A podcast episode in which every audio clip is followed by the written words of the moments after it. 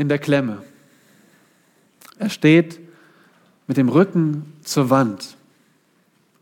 Kalt ist diese Wand hinter ihm, diese Felswand, an die er sich lehnt. Draußen ist der Verfolger hinter ihm her. Ja, das ist der Regierungschef höchstpersönlich. Er hat all seine politischen Angelegenheiten pausiert.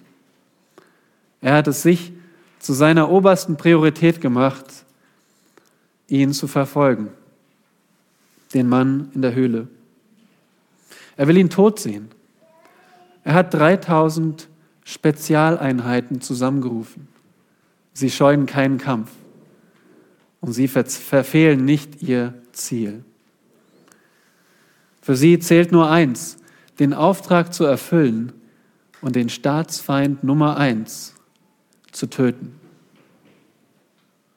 Ja, und der Mann in der Höhle weiß, sie haben es auf ihn abgesehen, nicht auf die 600 Obdachlosen, die bei ihm sind.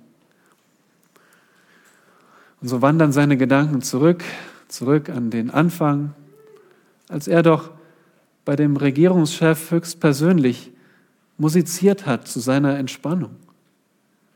Wie er sich mit seinem Leben eingesetzt hat. Er ist an die Front gegangen. Er hat für ihn gekämpft. Er wurde als junger Mann, vielleicht 20 Jahre alt, zum General erhoben und gab sein junges Leben aufs Spiel. Aber plötzlich hat sich alles äh, gewendet. Der Regierungschef verübte Anschläge auf ihn und verfolgte ihn bis ins Schlafzimmer.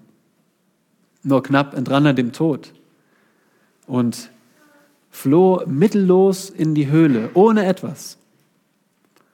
Er hatte gerade mal etwas Brot bekommen, ein Schwert. Und so machte er Bekanntschaft mit anderen Obdachlosen, die auch jetzt noch bei ihm waren. Er hauste auf Bergen, in Wäldern, in Höhlen und ständig auf der Flucht vor den Regierungstruppen. Und jetzt ist er hier in der dunklen Höhle. Und die Frage ist, ob das sein Grab wird. Dabei handelt er doch in Gottes Namen von Jugend an. Und er fragt sich, wie soll ich jetzt Gott ehren? Wie kann er jetzt Gott die Ehre geben? Ein Geräusch reißt ihn aus den Gedanken. Ist da jemand? Eindeutig, da, da ist eine Person. Jetzt ist die Frage, was macht er in der Klemme? Und das ist eine extreme Situation, die David hier erlebt. Und für uns ist es ähnlich. Wir kennen auch Situationen, wo wir uns in der Klemme fühlen. Vermutlich waren wir nur wenige von uns wirklich in so einer Klemme tatsächlich. Aber David war tatsächlich in dieser Klemme. Aber die Versuchung, die ist dieselbe, ob wir uns jetzt in einer Klemme fühlen oder ob wir tatsächlich in der Klemme sind. Die Versuchung ist, dass wir am Leben verzweifeln. Die Versuchung ist, dass wir unsere Zuversicht wegschmeißen. Die Versuchung ist, dass wir unseren Glauben drosseln, dass wir Gott vergessen. Und deswegen brauchen wir Psalm 57. Wir alle brauchen Psalm 57, dieses Lied in der Höhle, dieses Lied in der Klemme. Und wir erinnern uns, David, der war ein guter Musiker, der war begabt, der konnte gut Leier spielen und er war vom Geist Gottes erfüllt, so wie damals, wie Alex uns vorgelesen hat, diese Männer in Israel, so war auch David vom Geist erfüllt und und er hat so seinen Gott gelobt und er hat auch mit ihm gelebt, von Jugend an. Und mit Gott durchlebte er alle möglichen Lebenssituationen und erlebte ja, ein, ein komplettes Leben in der Furcht Gottes. Alle Arten von Situationen, die man sich vorstellen kann. Und wir gehen gerade in großen Abschnitten durch sein Leben. Wir haben Psalm 8 uns angesehen und erinnert, wie wie David schon als Hirtenjunge diesen herrlichen Sternenhimmel kannte und den großen Gott, der darüber steht.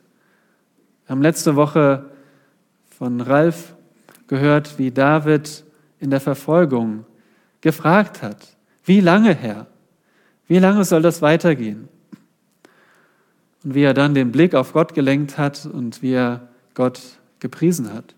Heute sehen wir David auf der Flucht vor Saul in die Höhle. So heißt es im Psalm 57. Bitte schlagt eure Bibeln dort auf bei Psalm 57 und dann seht ihr in Vers 1, dass es heißt, dass dieses Lied geschrieben wurde, die Situation widerspiegelt, wie David vor Saul in die Höhle floh.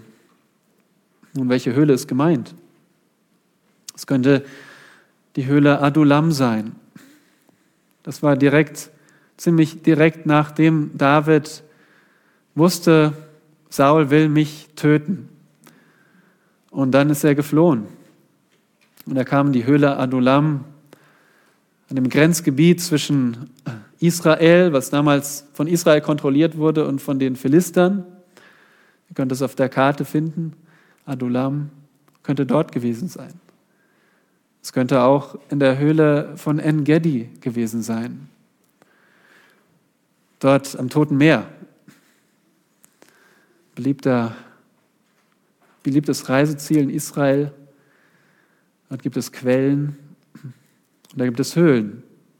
Aber es könnte auch eine von den vielen anderen Höhlen sein. Wir wissen es nicht genau. Ich habe zu Beginn diese Situation beschrieben, wie David in der Höhle in En-Gedi ist, verfolgt von 3000 Streitkräften. Also eine von diesen Situationen ist es und was wir genau wissen, ist, was David dachte, was sein, seine Gedanken beherrschte. Das wollen wir gemeinsam uns ansehen. Wir sehen Vers 1, dass dieses Lied an den Vorsänger gerichtet ist. Und ihr erinnert euch, das ist der Chorleiter, jemand, der einen Chor anleitet und der dazu führt, dass eine ganze Gemeinde singt. Dieses Lied ist zur Veröffentlichung. David schreibt nicht nur einfach seine Gedanken nieder, sondern er will, dass alle es erfahren. Und dass es zur Musik erklingt. Und da sehen wir gleich danach, dem Vorsänger verdirbt nicht. Verdirbt nicht in Anführungszeichen. Und das ist auch ein Rätsel, was das genau bedeutet. Das ist möglicherweise eine bekannte Melodie. Eine Melodie verdirbt nicht. Vielleicht ist es eine Melodie aus der Zeit Moses oder ein Lied, das, das aus der Zeit Moses ist. Denn Mose, in 5. Mose beschreibt Mose diesen Moment, wo er am Berg Sinai ist und, und er hat miterlebt, wie die Israeliten den Bund gebrochen haben. Und dann geht Mose 40 Tage auf den Berg Sinai und er bittet Gott. Und in 5. Mose 9, Vers 26 lesen wir diese Worte von Mose. Ach Herr, Jahwe, verdirb dein Volk nicht. Psalm 57 ist auch ein Miktam. Ein Miktam. Die Frage ist, was ist ein Miktam? Auch das wissen wir nicht genau. Wir wissen nur, es gibt mehrere Psalmen, die so heißen. Schaut mal Psalm 56 in euren Bibeln, Vers 1. Ein Miktam. Ähm, Psalm 58 ein Miktam. Psalm 59 ein Miktam. Also es ist hier eine Serie von Miktams. Und diese Psalmen, da gibt es sechs Stück von und vier davon handeln von diesen Situationen, wo David in, im Konflikt ist mit seinen Feinden, wo er auf der Flucht ist.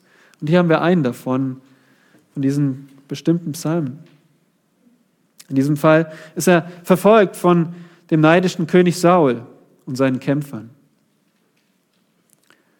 Und jetzt sind wir bereit und wollen Psalm 57 gemeinsam lesen. Beginnt in Vers 2. Sei mir gnädig, o oh Gott, sei mir gnädig. Denn bei dir birgt sich meine Seele. Und ich nehme Zuflucht unter dem Schatten deiner Flügel, bis das Verderben vorübergezogen ist. Ich rufe zu Gott, dem Allerhöchsten, zu Gott, der meine Sache hinausführt.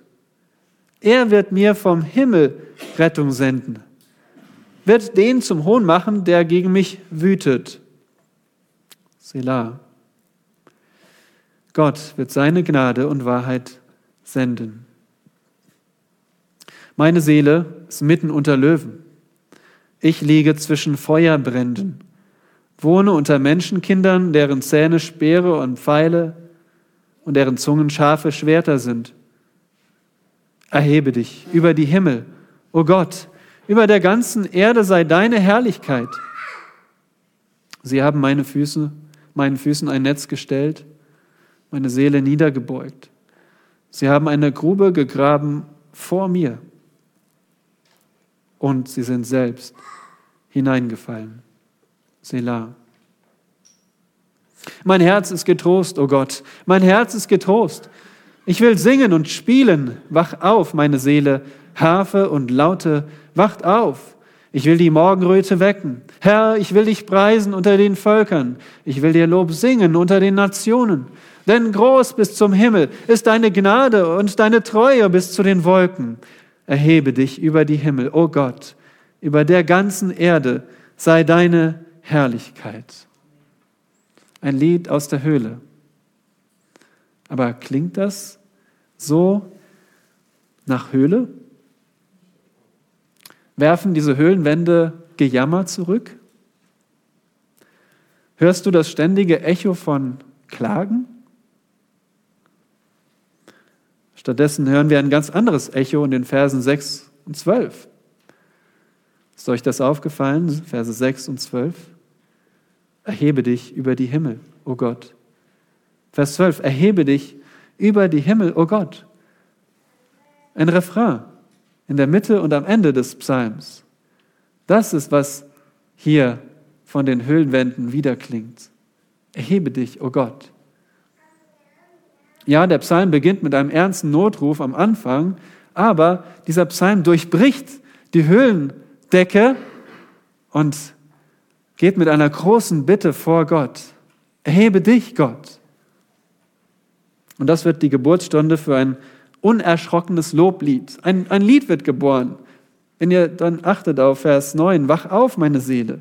Harfe und Laute wacht auf. Hier soll, hier soll Musik erklingen. Hier soll ein Loblied erklingen.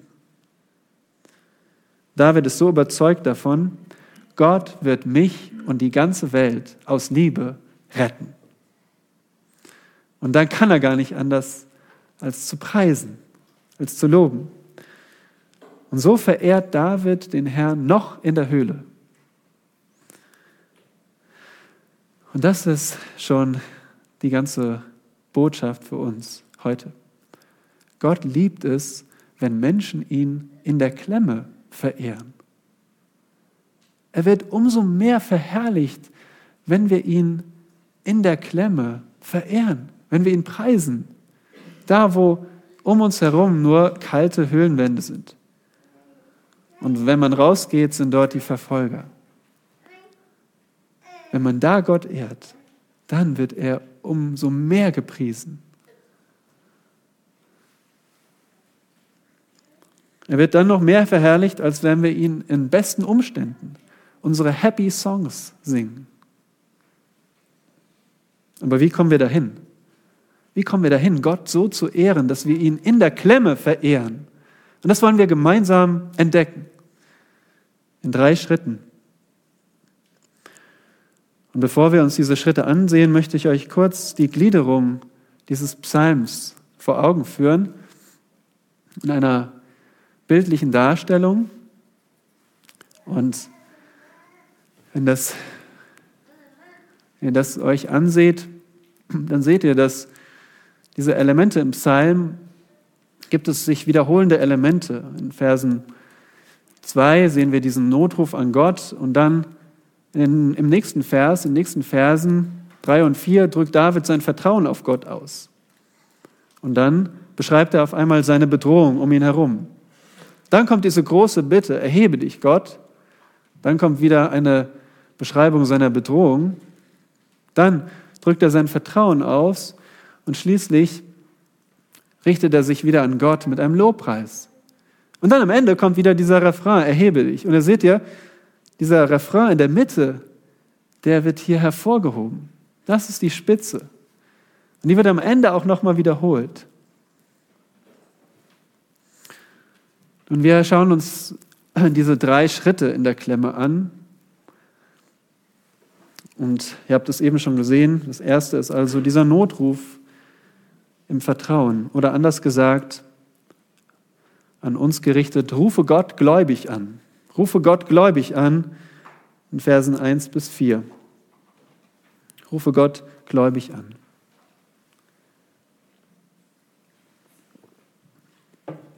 Also drinnen ist David und draußen die Verfolger. Und jetzt setzt David einen Notruf ab. Aber er bangt nicht darum, wird mich jemand hören, sondern er bittet im vollen Vertrauen, dass er gerettet wird.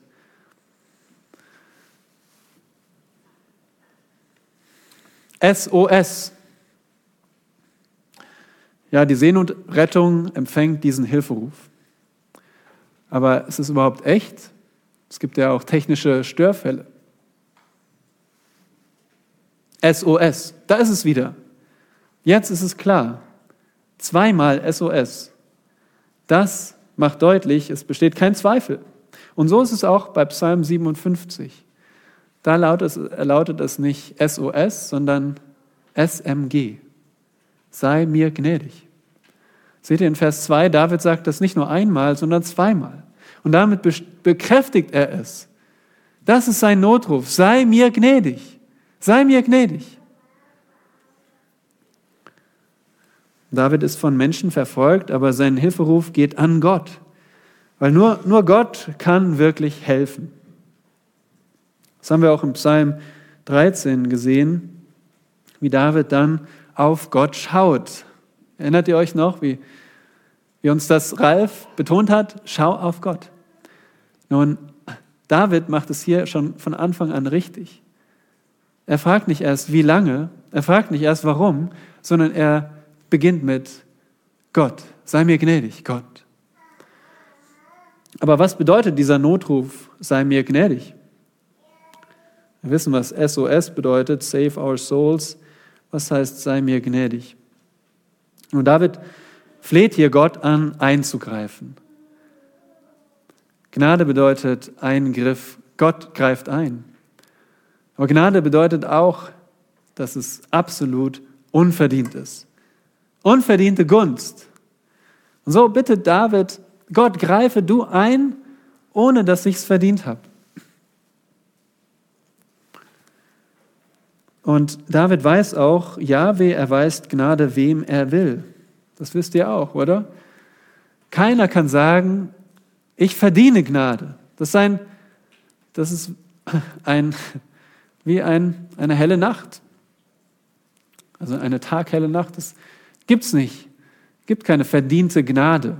Gnade ist immer unverdient. Und so schaut er mal herüber zu Psalm 56, Vers 2. Er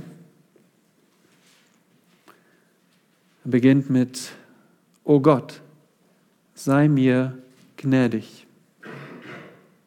Schon einmal hat David also gebetet, sei mir gnädig. Und das war, als er auch, das war auch in dieser Situation, als er auf der Flucht war.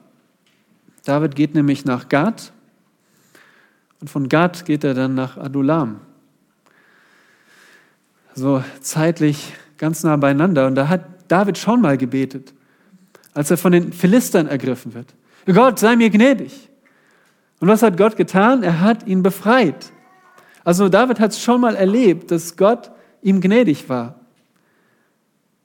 Und dieser Notruf hat sich bewährt und er wählt ihn wieder. Gott sei mir gnädig. Aber David ist nicht hochmütig geworden. Er meint nicht, dass er Befreiung verdient hat. Dabei ist er doch der Gesalbte. Er soll doch Saul einmal beerben. Und Saul disqualifiziert sich schon. Eigentlich hat er gar kein Recht mehr, König zu sein. Man könnte sehr gut nachvollziehen, dass David sagt, Gott, mach jetzt endlich mal Schluss. Ich habe es verdient. Ich bin dir treu. Saul hat dich verworfen. Mach mich zum König. Lass das endlich vorbei sein.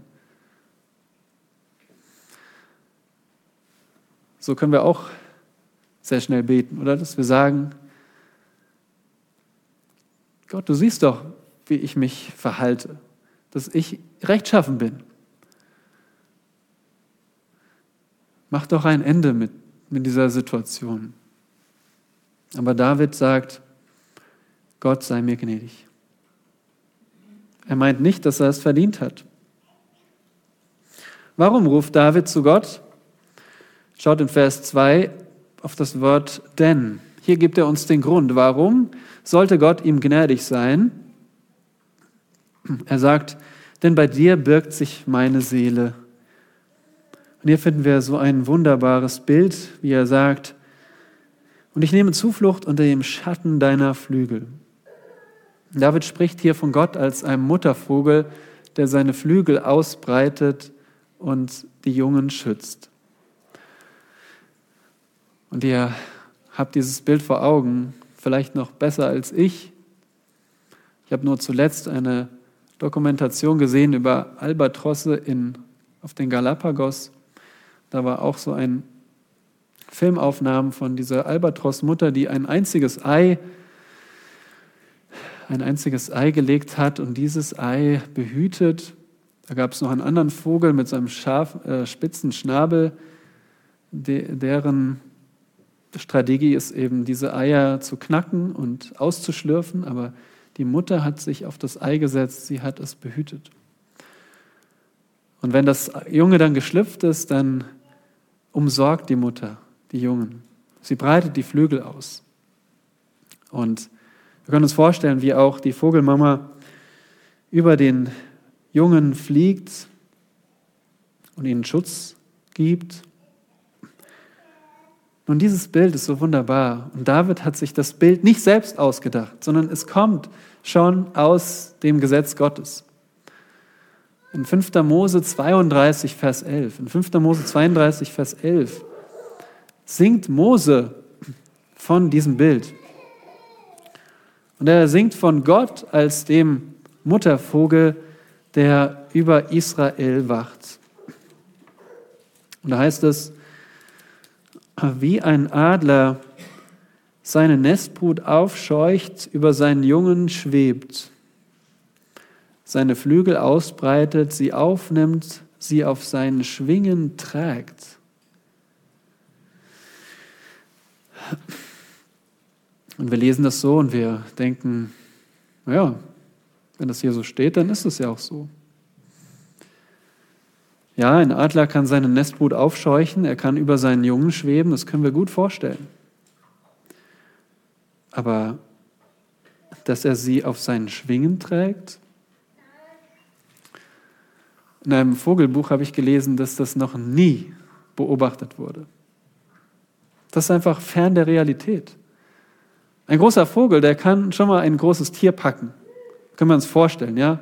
Packt ein Kaninchen oder packt ein großes Tier und äh, schwingt sich in die Lüfte. Aber man hat noch nie beobachtet, dass ein Vogel etwas auf dem Rücken trägt. Das geht nicht. Das kann nur Gott. Gott hat sein Volk auf den Schwingen getragen, durch die Wüste. Und David denkt daran, an diesen Bund, den Gott mit Israel gemacht hat. Und er bezieht es auf sich selbst.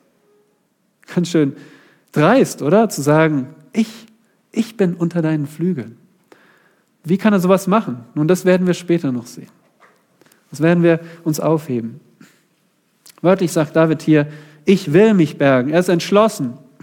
Und achte darauf, dass David von seiner Seele spricht. Denn bei dir birgt sich meine Seele. Und wir fragen uns, was meint er? Meint er jetzt hier einfach nur seinen Geist? Meint er einfach, ich, auch wenn jetzt mein Körper hier verfolgt ist, ich berge meine Seele immerhin bei dir? Nein, schaut auf das Ende von Vers 2, wo es heißt, bis das Verderben vorübergezogen ist. Was für ein Verderben meint er?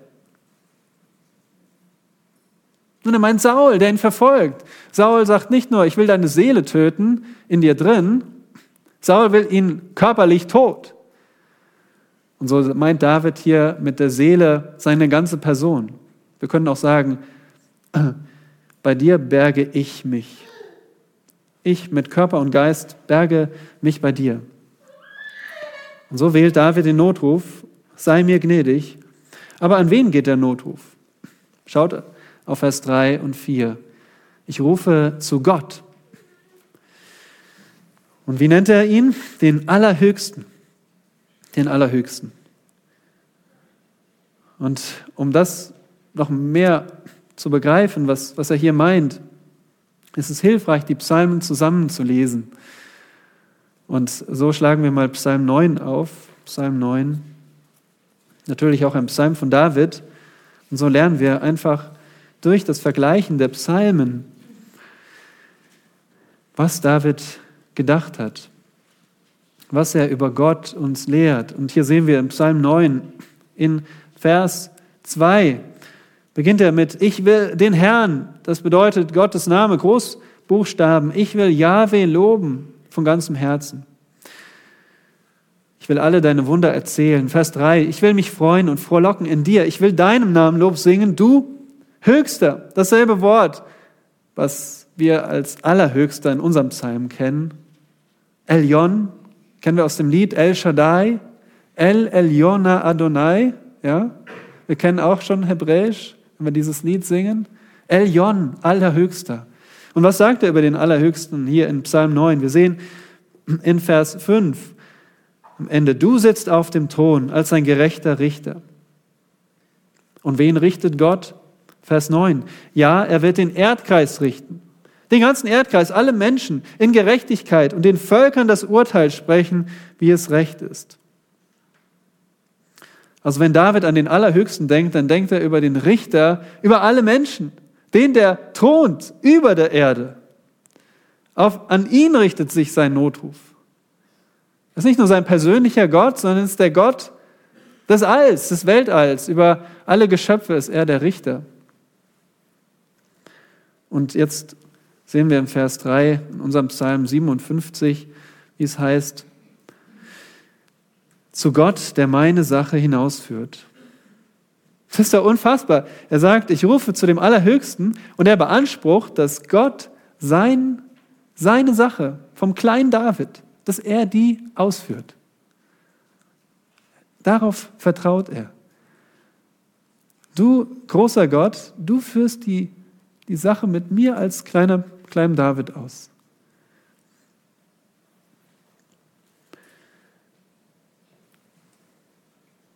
Er ist der Gott, der den Einzelnen sieht. Und in Vers 4 sehen wir, David ist sich sicher, dass Gott Rettung sendet. Und wie sieht diese Rettung aus? Sehen wir in Vers 4. Gott, er wird mir vom Himmel Rettung senden. Und jetzt haben wir die Erklärung. Er wird den zum Hohn machen, der gegen mich wütet. Also er, Gott, Gott wird den zum Hohn machen, der gegen mich wütet? Wer ist dieser, der gegen ihn wütet? Wörtlich, wer schnappt und lechzt danach, David zu vernichten? Das ist Saul. Er wird hier beschrieben wie ein, wie ein lechzender Hund. Stellt euch vor, so ein Hund an der Leine,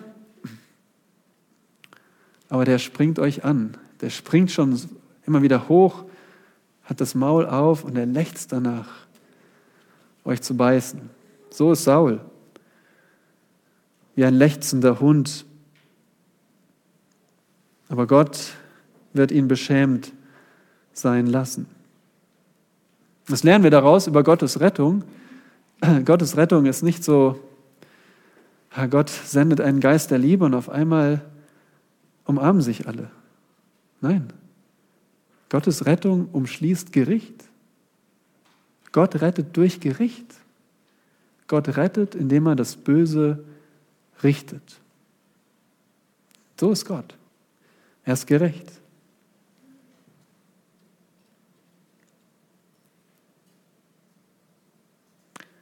Selah.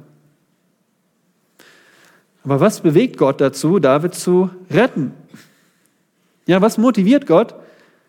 David weiß es in Vers 4 am Ende, Gott wird seine Gnade und Wahrheit senden. Gnade und Wahrheit sind parallel zur Rettung. Seht ihr das? In Vers 4 heißt es auch, er wird mir vom Himmel Rettung senden. Am Ende, Gott wird seine Gnade und Wahrheit senden. Versteht ihr? Die Rettung geschieht aus Gnade und Wahrheit. Das ist die Motivation Gottes dahinter, Rettung zu senden. Und deswegen müssen wir verstehen, was Gnade und Wahrheit bedeutet. Und das ist auch nicht so ganz einfach, weil bei Gnade denken wir an unverdiente Gunst, aber hier das Wort Gnade ist das Wort, das wir schon häufig auch äh, genannt haben. Dieses Wort, was standhafte Liebe bedeutet, loyale Liebe. Das ist ein Wort, das eigentlich Gottes Liebe beschreibt. Gottes Liebe. Und dieses Wort bedeutet Liebe, die unverdient ist, die einfach aus Gott kommt. Gott sagt, ich entscheide mich für, mich für dich. Und dann macht Gott einen Bund mit dieser Person und dann liebt er weiter aus Treue zu seinem Bund.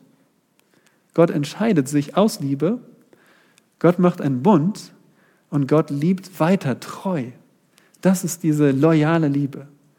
Und die hat David schon er erlebt. Vor kurzem war er mit Jonathan zusammen in Kapitel 20 in 1 Samuel und ihr kennt die Geschichte, sie sind auf dem Feld und sie machen einen Bund, bevor sie sich verabschieden. Und sie schwören sich, ich will dich weiter lieben. Auch wenn wir uns jetzt trennen, ich will dich lieben und du sollst meiner Familie Liebe erweisen und ich will deiner Familie Liebe erweisen. Egal was kommt. Und so, nur auf höherem Niveau, ist Gottes loyale Liebe. Und ich habe mich gefragt, welchen Grund hatte David zu glauben, dass Gott ihn liebt? Also warum glaubt er, dass Gott ihn so sehr liebt? Dass er ihn so treu liebt? Nun, meine Antwort habe ich gefunden im Gesetz Mose. Und ich möchte euch gerne da hineinnehmen. Und zwar, wenn ihr mal 5. Mose 6 aufschlagt, 5. Mose 6. Dann sehen wir da eine ganz bekannte und zentrale Stelle in der Bibel.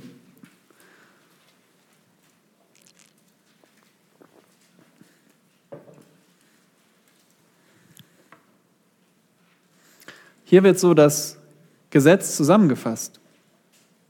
5. Mose 6, Vers 4. Höre Israel, Jahwe ist unser Gott. Jahwe allein. Wer soll hören?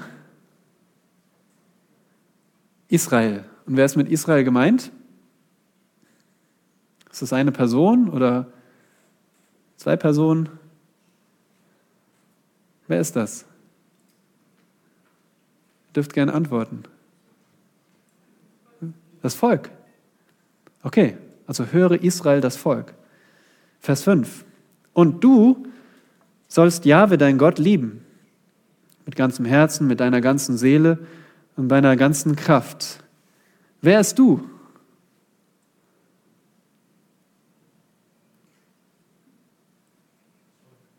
Okay, das Volk. Könnte es auch eine einzelne Person sein? Naja, Wäre möglich. Schauen wir mal auf Vers 6 und 7. Und diese Worte, die ich dir heute gebiete, sollst du auf dem Herzen tragen. Und du sollst sie deinen Kindern einschärfen. Wer ist hier gemeint? Könnten auch die Kinder Israels sein, ja? Also das Volk soll seinen Kindern das einschärfen. Gehen wir weiter. Und davon reden, wenn du in deinem Haus sitzt. Wer ist hier gemeint? Kann das ganze Volk in einem Haus sitzen? Also bei dieser Stelle, die beziehen wir doch ganz natürlich auf eine einzelne Person, oder? Wenn du als einzelne Person in deinem Haus sitzt. Und das ist so interessant, wie hier an dieser Stelle, es beginnt mit dem ganzen Volk und dann auf einmal ist der Fokus auf dem, dem einzelnen Mann, der einzelnen Person. Und das, das ist so spannend, dass das, was für das ganze Volk gilt, auch für jeden einzelnen Israeliten gilt. Also der, der große Bund, den Gott mit dem ganzen Volk macht, gilt auch für jeden Einzelnen in dem Volk Israel. Und was ist Gottes, was ist Gottes Motivation hinter dem Bund? Schlagt mal das nächste Kapitel auf. 5. Mose 7. Was heißt in Vers 6, denn ein heiliges Volk bist du für Jahwe, dein Gott. Dich hat Jahwe, dein Gott, aus allen Völkern erwählt, die auf Erden sind, damit du ein Volk des Eigentums für ihn seist. Nicht deshalb, weil ihr zahlreicher wärt als alle Völker, hat Jahwe sein Herz euch zugewandt und euch erwählt, denn ihr seid das geringste unter allen Völkern, sondern weil Jahwe euch liebte weil er den Eid halten wollte, den er euren Vätern geschworen hatte. Darum hat Jahwe euch mit starker Hand herausgeführt und dich erlöst aus dem Haus der Knechtschaft, aus der Hand des Pharao, des Königs von Ägypten. So erkenne nun, dass Jahwe, dein Gott, der wahre Gott ist, der treue Gott, der den Bund und die Gnade denen bewahrt, die ihn lieben. Und seine Gebote bewahren auf tausend Generationen. Seht ihr das Wort Gnade? Das ist unser Wort Gnade, loyale Liebe. Also Gott sagt, diese loyale Liebe, die schenke ich dem ganzen Volk und jedem Einzelnen aus freier Liebe. Weil ich dieses Volk geliebt habe. Es war das geringste Volk. Es gibt keinen Grund in diesem Volk. Und das bezieht David auf sich und sagt, Gott, du wirst mir Rettung senden. Ich vertraue darauf, weil ich gehöre auch zu dem Bund. Du liebst auch mich als Einzelnen. Und deine Versprechen, die gelten auch mir. Ich bin unter deinen, deinen Flügeln, dem Schatten deiner Flügel. Und du wirst Rettung senden. Ich vertraue darauf. Und das ist mein einziger Grund, warum ich um Gnade bitte mein Vertrauen, mein Glaube an dich. Glaube allein. Das ist nicht nur im Neuen Testament so, sondern auch hier im Ersten Testament.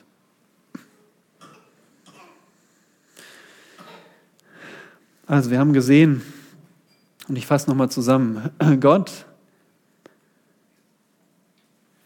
ja, David bittet Gott dringend um unverdiente Gunst. David kann keinen Grund hervorbringen, warum er diese Gunst haben sollte. Er pocht nicht darauf, schon gesalbt zu sein und sagen, ich bin gesalbt, rette mich jetzt. Er sagt, rette mich einfach, weil ich auf dich vertraue, weil ich an dich glaube, weil ich zu dem Bund gehöre. Und rette mich. Und diese Rettung, weiß David, kommt durch Gericht. Und das stellt auch uns die Frage, warum glaubst du, dass Gott dir Gutes tun sollte?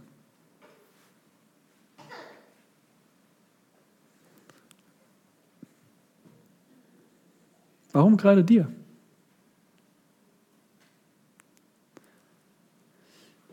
Und die Antwort ist, weil er sich dazu entschieden hat weil er einen Bund gemacht hat. Wir sind unter dem neuen Bund. Und woher wissen wir, dass wir unter diesem Bund sind? David wusste es, weil er einfach ein Nachkomme von Israel, von dem Stamm Juda war. Woher wissen wir, dass wir im neuen Bund sind? Nun, zwei wichtige Merkmale sind ganz einfach. In Hebräer 8 sehen wir, Wer unter dem neuen Bund ist, der erkennt Gott. Gott erkennen. Nicht nur über ihn wissen, sondern ihn erkennen. Du kannst zu ihm Vater rufen. Und wenn du das machst, dann weißt du es 100 Prozent. Gott ist mein Vater. Und ich weiß, wie mein Vater ist. Ich kenne ihn. Und das Zweite ist, nicht nur erkennen, sondern sehen. Du siehst Christus und du siehst Herrlichkeit. Du kannst dir niemand Schöneren vorstellen als Christus. Er ist die Herrlichkeit in Person. Und das sind Merkmale, die dir zeigen, ich gehöre zu diesem Bund. Und deswegen wird Gott mir Gutes tun, weil er sich dazu entschieden hat. Und natürlich ist die Aufforderung an uns, rufe in der Klemme zu Gott aus ganzem Vertrauen, rufe zu Gott im Glauben. Was sind die nächsten Schritte? Was ist der zweite Schritt in der Klemme, um Gott dennoch zu verehren? Und diese Schritte folgen jetzt einfach aus dem, was wir schon gelernt haben, ganz natürlich. Das nächste ist, bitte Gott, äh, bitte groß in Bedrängnis. Bitte groß in Bedrängnis. David ruft Gott im Glauben an, das haben wir gesehen. Und jetzt schildert er seine heftige Bedrängnis. Ihr erinnert euch, jetzt kommt diese Beschreibung der Bedrängnis. Und inmitten der Beschreibung, ihr habt es gesehen, thront diese große Bitte an Gott. Gott, mach deine Majestät sichtbar für alle und mit erschreckend anschaulicher Sprache beschreibt hier David seine Bedrängnis in Vers 5. Meine Seele ist mitten unter Löwen. Ja, zu Davids Zeiten gab es wirklich auch Löwen im ganzen Land Israel. Die wurden bis anderthalb Meter lang und bis zu oder über 200 Kilogramm schwer. Löwen, die von Natur aus jetzt nicht den Menschen angefallen haben, aber wenn sie sehr hungrig waren, dann konnten sie auch einen Menschen töten. Und so beschreibt David seine Feinde, seinen Feind Saul. Er sagt auch, ich liege zwischen Feuerbränden. Und die Stelle ist nicht leicht zu übersetzen.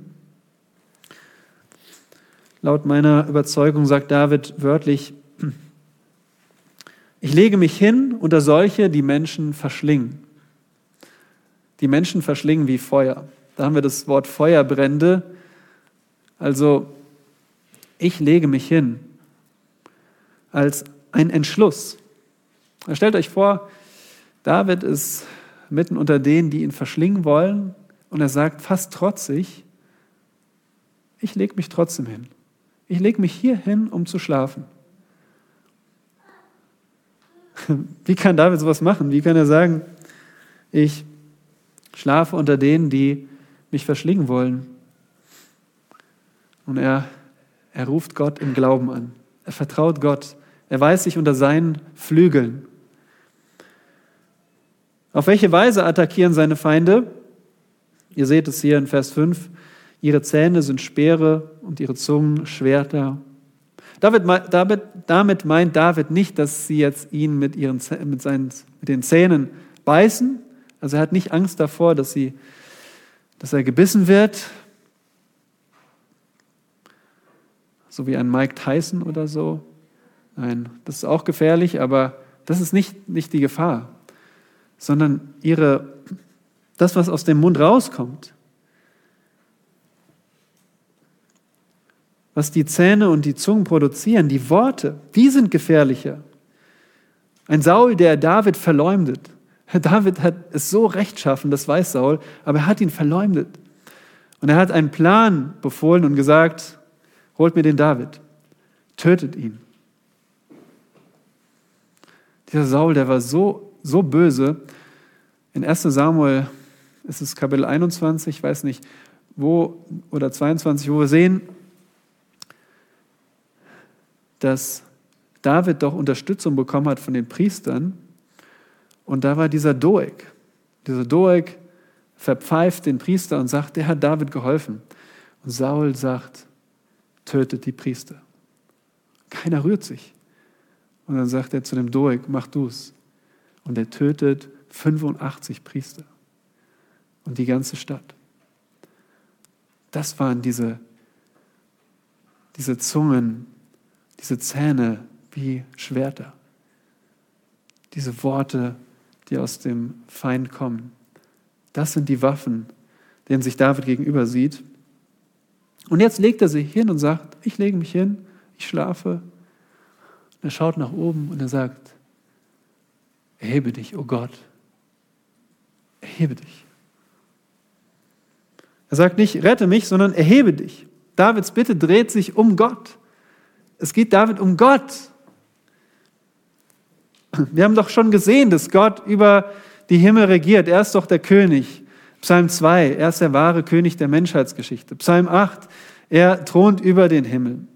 Und weil er über allem thront, weil er doch am wichtigsten ist von allen anderen Dingen, die es gibt, sagt David, aber das sehen wir nicht. Es ist nicht sichtbar. Es scheint so, als ob der, der an der Macht ist, tun und lassen kann, was er will. Und das können wir auch heute sagen, oder? Die Regierenden, es scheint so, als ob sie einfach tun und lassen, was sie für richtig halten. Wo ist Gott? Wo, wo ist er, der doch der wahre König ist? Und das ist Davids Bitte. Gott, mach's doch bitte sichtbar. Mach's doch deutlich, dass du der König bist. Das ist seine Bitte. Und diese Bitte ist erstmal selbstlos, weil sie geht um Gott, um seine Ehre. Aber sie ist auch mit ihm selbst verknüpft, weil wenn Gott sich erhebt, dann wird auch David gerettet. Weil wenn Gott sich als König erhebt, dann, dann rettet er auch David, weil David zu Gott gehört. Lasst mich eine Illustration aus der Schrift geben. Ihr kennt das Volk Israel und ihre Errettung aus Ägypten. Und was hat die Israeliten so, so geplagt in Ägypten? Es war doch diese Sklavenarbeit, dass sie dort Ziegel brennen mussten. Und dann wurde ihnen noch das Material nicht geliefert. Und sie haben gesagt, jetzt ist noch schlimmer geworden. Wir wollen einfach nur frei werden von dieser Plackerei. Nun, Gott hat aber ein größeres Ziel. Er wollte nicht nur die Israeliten aus ihrer Not befreien, er wollte zeigen, dass er Gott ist über alle ägyptischen Götter. Das war sein Plan. Und als er diesen Plan ausführte durch die zehn Plagen, wurden auch die Israeliten gerettet, ja. Aber es war ein größerer Plan, als nur die Not zu beenden. Er wollte, Gott wollte seine Majestät zeigen. Versteht ihr, das ist Davids Bitte. Und das muss auch unsere Bitte sein. Und die Frage ist, wie groß sind unsere Bitten? Bitten wir ach, du kennst meine Situation, Herr, mach's mir doch nicht so schwer. Bitte befreie mich doch aus dieser, ach, aus dieser Krankheit oder, oder von diesem Menschen, der mich so plagt oder von meinem Kind, was so widerspenstig ist. Nein, Gottes, Gottes Plan ist viel größer. Gott will seine Majestät sichtbar machen in allen Dingen. Und das Böse existiert noch, weil Gott sich noch nicht erhoben hat. Wenn Gott sich erhebt, wird alles Böse besiegt. Und darum sollen wir bitten, so wie Paul Gerhard. In der letzten Strophe von dem Lied Befiehl du deine Wege. So kostbares Lied, da beginnt es mit Mach End, o Herr, mach Ende.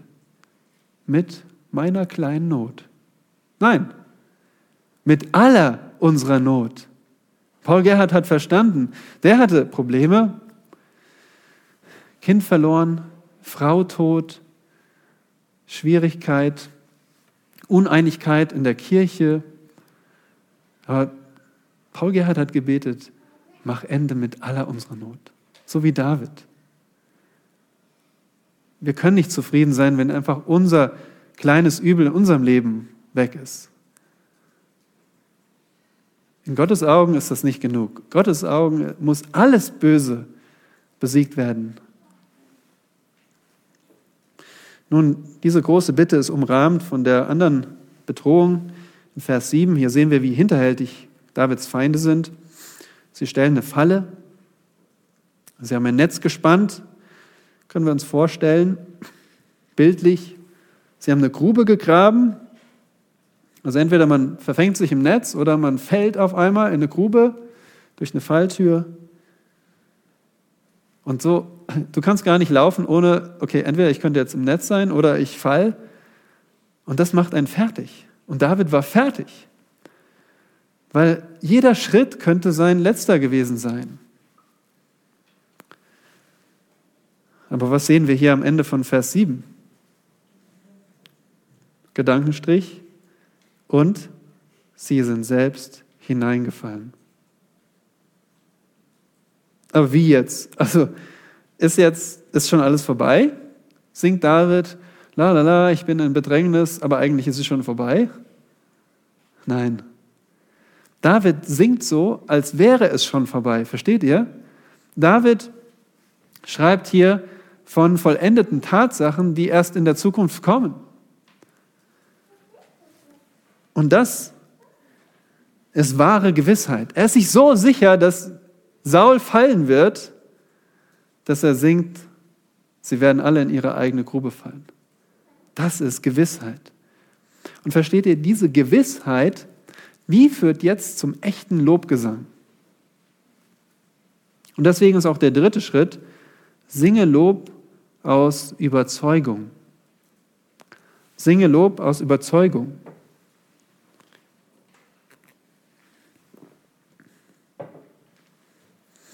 Wir haben gesehen, David hat den Notruf gewählt. Er ruft Gott an, ihn ohne Verdienst zu retten. Warum? Weil David ganz auf Gott vertraut und er sieht, in welcher Todesgefahr er ist. Er bittet, dass Gott für alle sichtbar macht, dass er allein regiert und er weiß, Gott siegt. Und davon ist David so überzeugt, er ist, er ist förmlich gedrängt zu singen. Er kann gar nicht anders und er singt aus Überzeugung. Schaut mal auf, auf Vers 8 mein Herz ist getrost. Oh Gott, mein Herz ist getrost. Wieder sagt er es zweimal, um es zu betonen. Ist absolut sicher, David ist hier getrost. Was heißt getrost? Getrost heißt fest, wörtlich. Gefestigt, gegründet. Denk mal an ein Zelt, das im Sturm wegflieht. Zuletzt war es ziemlich windig und bei uns im Ort habe ich gesehen, morgens die Straße lang gelaufen, und, oder gefahren, ich weiß nicht mehr. Da lag so ein Pavillonzelt, umgekehrt auf dem Busch. und die Besitzer waren noch nicht da, deswegen haben sie es nicht weggeräumt, aber es war ein lustiger Anblick, ja, das Zelt auf einmal obendrauf. Warum? Es war nicht festgemacht. Es war nicht festgemacht. Und so wissen wir, wir müssen Dinge festmachen. Wir müssen unsere Regale an der Wand festschrauben, damit sie nicht umfallen. Und als wir in Amerika waren, da war das sehr auffällig, da war nämlich alles festgeschraubt wegen Erdbeben. Und dann hat es auch wirklich mal ein Erdbeben gegeben, Stärke 4, wo alles gewackelt hat. Und dann wusste man, okay, deswegen muss man die festschrauben. Wir wissen, man muss Ladung sichern im Auto, Spanngurte. Was da für Kräfte auftreten, Deswegen muss man die Dinge festschrauben, festspannen. Und so sagt David, mein Herz ist festgespannt, ist gefestigt. Äh, warum, was meint er damit? Nun, er meint nicht einfach nur, ich bin jetzt entschlossen, ich werde jetzt ein Lied singen. Nein, mehr als das. David sagt, mein Herz ist getrost. Er ist im Glauben, im Vertrauen auf Gott absolut fest.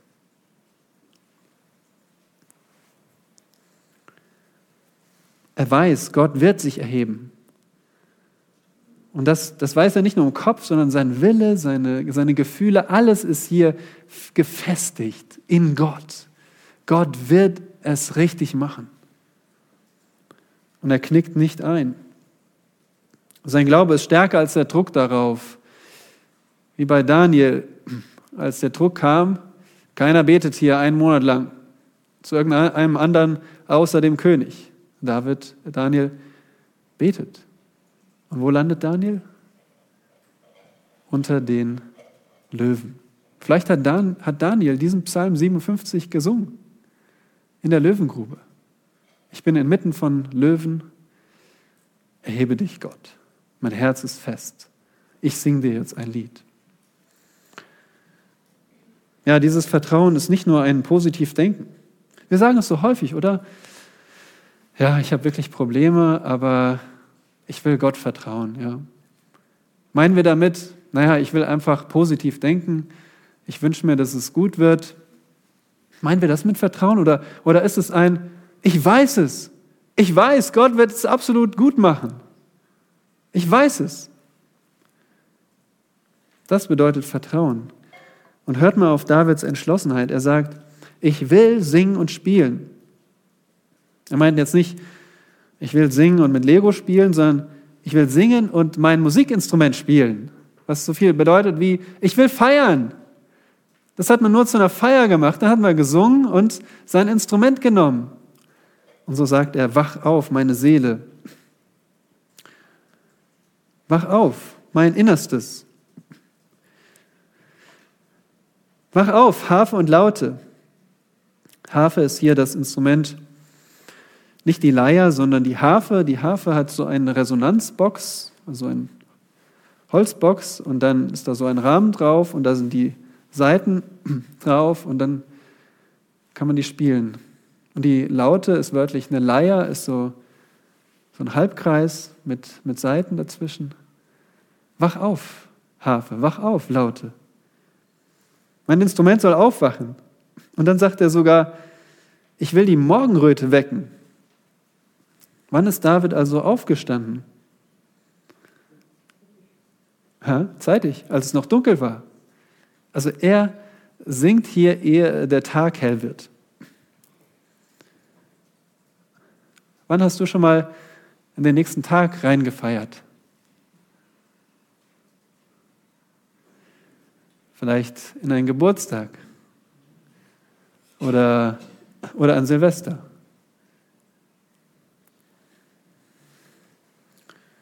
David feiert seinen Gott, bevor es hell wird. Wo ist eigentlich unsere Begeisterung für den Herrn? Wo ist unsere Begeisterung? Wir stehen für ein neues Jahr, für ein neues Kalenderjahr. Feiern wir, wenn es noch dunkel ist. Haben wir irgendwann schon mal unseren Gott gefeiert, als es noch dunkel war? Wisst ihr, wir brauchen Erweckung. Wo ist unsere Begeisterung? Ich schließe mich ein. Wir kommen vielleicht auf die Arbeit und, und sprechen mit den Kollegen, was hast du so am Wochenende gemacht? Oh Mensch, es war so cool, ich war klettern, ja. Dann dieser neuen Kletterhalle und Mensch, es hat so Spaß gemacht. Ich bin, ich habe mich so ausgepowert und ah, das war so ein gutes Gefühl. Und echt coole Kumpels waren da. Und was hast du gemacht? Ja, ich war halt in der Gemeinde, ja. Und da singen wir auch und, und am Ende gibt es auch Kuchen. Also äh, man kann sich auch einbringen, also man kann auch was tun und ja, ist eigentlich ganz schön. So. Ah, ja, ja, schön. Gemeinde, dass, dass du da was hast, was, was dir gut tut. Wir sind, wir sind eine neue Menschheit. Wir sind die neue Menschheit. Wir sind die, die zu dem wahren König gehören. Wo ist unsere Begeisterung für Gott? Für diesen Gott, der gnädig und, und wahr ist. Wo ist unsere Begeisterung? David hat nicht seinen Geburtstag gefeiert. David hat seinen Gott gefeiert. Und achte da Vers 10, wo er den Anlass finden. Er hat sich nicht einfach nur selbst in Rage gesungen, er hat gesagt, Herr, ich will dich preisen unter den Völkern. Ich will dir Lob singen unter den Nationen. Er hat sich nicht geschämt, denn groß bis zum Himmel ist deine Gnade und deine Treue bis zu den Wolken. Da haben wir es wieder, die Gnade, diese loyale Liebe. Gott, Gott liebt mich, den Sünder. Und er liebt so viele andere noch. Und er ist, er ist wahrhaftig in seiner Liebe. Es ist nicht eine Liebe, die die irgendwann aufhört oder die nur imaginär ist, ist die wahre Liebe Gottes. Und die ist so groß. Siehst du den Himmel? Siehst du, wie hoch das ist? Die ist noch höher. Die ist so beständig, wie der Himmel jeden Tag über uns ist. Ich kann ihn nur preisen.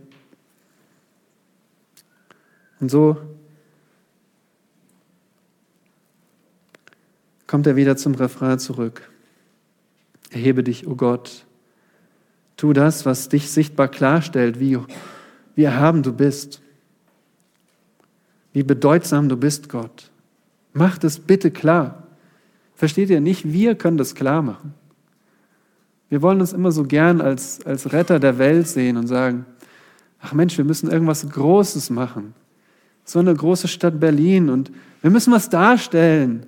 Wir müssen irgendwie auf die Straßen gehen und, etwas tun, was noch keiner gemacht hat, sodass alle wissen, Gott ist König. Aber das ist zum Scheitern verurteilt, weil nur Gott kann das klarstellen, wer er ist. Versteht ihr? Nur Gott kann klarstellen, dass er der König ist. Und er hat es schon mal klargestellt. Er hat es schon mal klargestellt. Er hat seinen Sohn gesandt. Er hat die Erde zu seiner Ehre erschaffen und den Menschen als König. Und wie hat dieser König versagt? Dieser König hat die Herrschaft abgegeben an Satan, an den Erzfeind, hat dem Satan mehr gehorcht als Gott. Und so ist die ganze Welt unter der Gewalt des Feindes. Aber Gott verfolgt den Plan, seine Ehre wiederherzustellen. Und so hat er seinen Sohn gesandt. Ja, den Herrn Jesus Christus als, als wahren Gott von der Jungfrau geboren, als wahrer Mensch. Und wie hat sein Sohn gezeigt, dass, dass Gott König ist? Wie hat er das gezeigt? Er hat gezeigt, er hat die Macht. Er hat die Macht über alle Geister, böse Geister ausgetrieben, Krankheiten kein Problem, geheilt. Er hat dem Wind und den Wellen geboten. Er hat Brot geschaffen. Er hat solche Menschen befreit, die, die waren hoffnungslose Fälle. Die hätte man heute weg, auch weggesperrt, kann keiner lösen. Der, der bei den Gräbern gewohnt hat, der Jesus sagt, fahrt aus. Er ist der König. Jesus hat klargemacht, er ist der König. Aber was hat der König getan? Der König hat sich willentlich in den Tod gegeben. Wie konnte er sowas tun? Wie konnte er jetzt scheinbar so machtlos sein? Er hat gesagt, Pilatus hat ihn gefragt, bist du der König? Ja. Wie kann der König dann von den Römern verurteilt an ein Kreuz gehängt werden?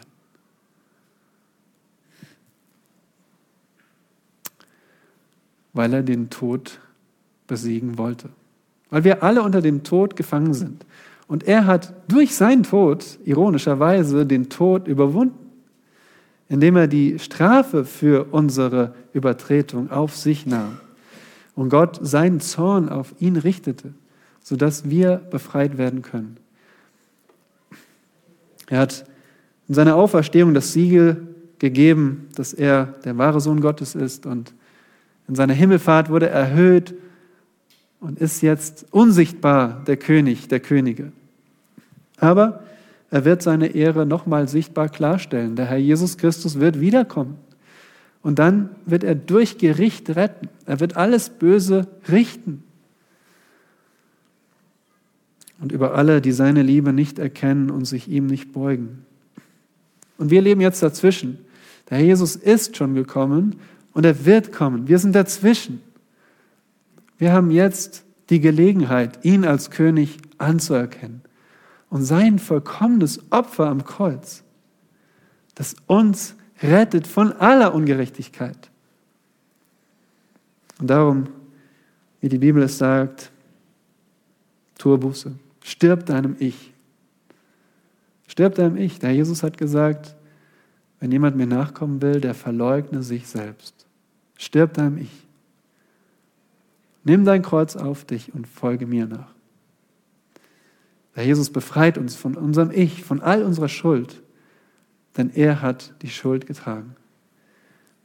Und er rettet dich sicher. Und das ist mein Wunsch, mein Gebet, mein Aufruf. Wir sind dazwischen, bevor der Herr Jesus kommt und seine Königsherrschaft deutlich macht. Und wenn du dich ihm noch nicht im Glauben als dem König gebeugt hast, dann tu es jetzt. Und wenn wir wissen, nicht nur uns wünschen, sondern wissen, wir sind Kinder Gottes, wir sind Jünger des Herrn Jesus Christus.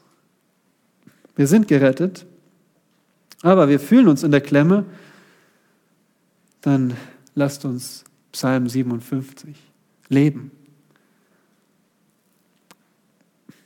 Lasst uns das lernen für die Zukunft. Es wird nicht sofort anwendbar sein unbedingt. Ja, es gibt gefühlte Klemmen, aber so wie David, vielleicht werden wir auch mal in dieser Situation sein. Dann werden wir zu Gott gläubig rufen. Dann werden wir ihn groß bitten. Dann werden wir ihm singen, selbst in der Klemme.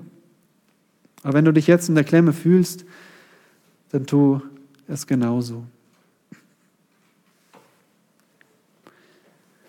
Einer, der in der Klemme war und unser Bruder ist, ist unser Bruder Paulus. Ich möchte euch ermutigen, zum Schluss mit unserem Bruder Paulus, der in 2 Timotheus 4, als er in der Höhle war, folgendes schrieb. Ja, Paulus war in einem Loch. Er war im mamertinischen Gefängnis in Rom. Es war ein Loch. Kann man heute noch besichtigen. Ich war noch nicht dort. Einfach eine Höhle mit einem Loch in der Decke. Durch dieses Loch kam Essen und durch diesen Loch ging der Brief nach oben zu Timotheus. Paulus schreibt in 2 Timotheus 4 über seine Gerichtsverhandlungen. Der Herr aber stand mir bei und stärkte mich damit durch mich die Verkündigung völlig ausgerichtet würde und alle Heiden sie hören könnten. Und so wurde ich erlöst aus dem Rachen des Löwen. Der Herr wird mich auch von jedem boshaften Werk erlösen und mich in sein himmlisches Reich retten. Ihm sei die Ehre von Ewigkeit zu Ewigkeit. Amen.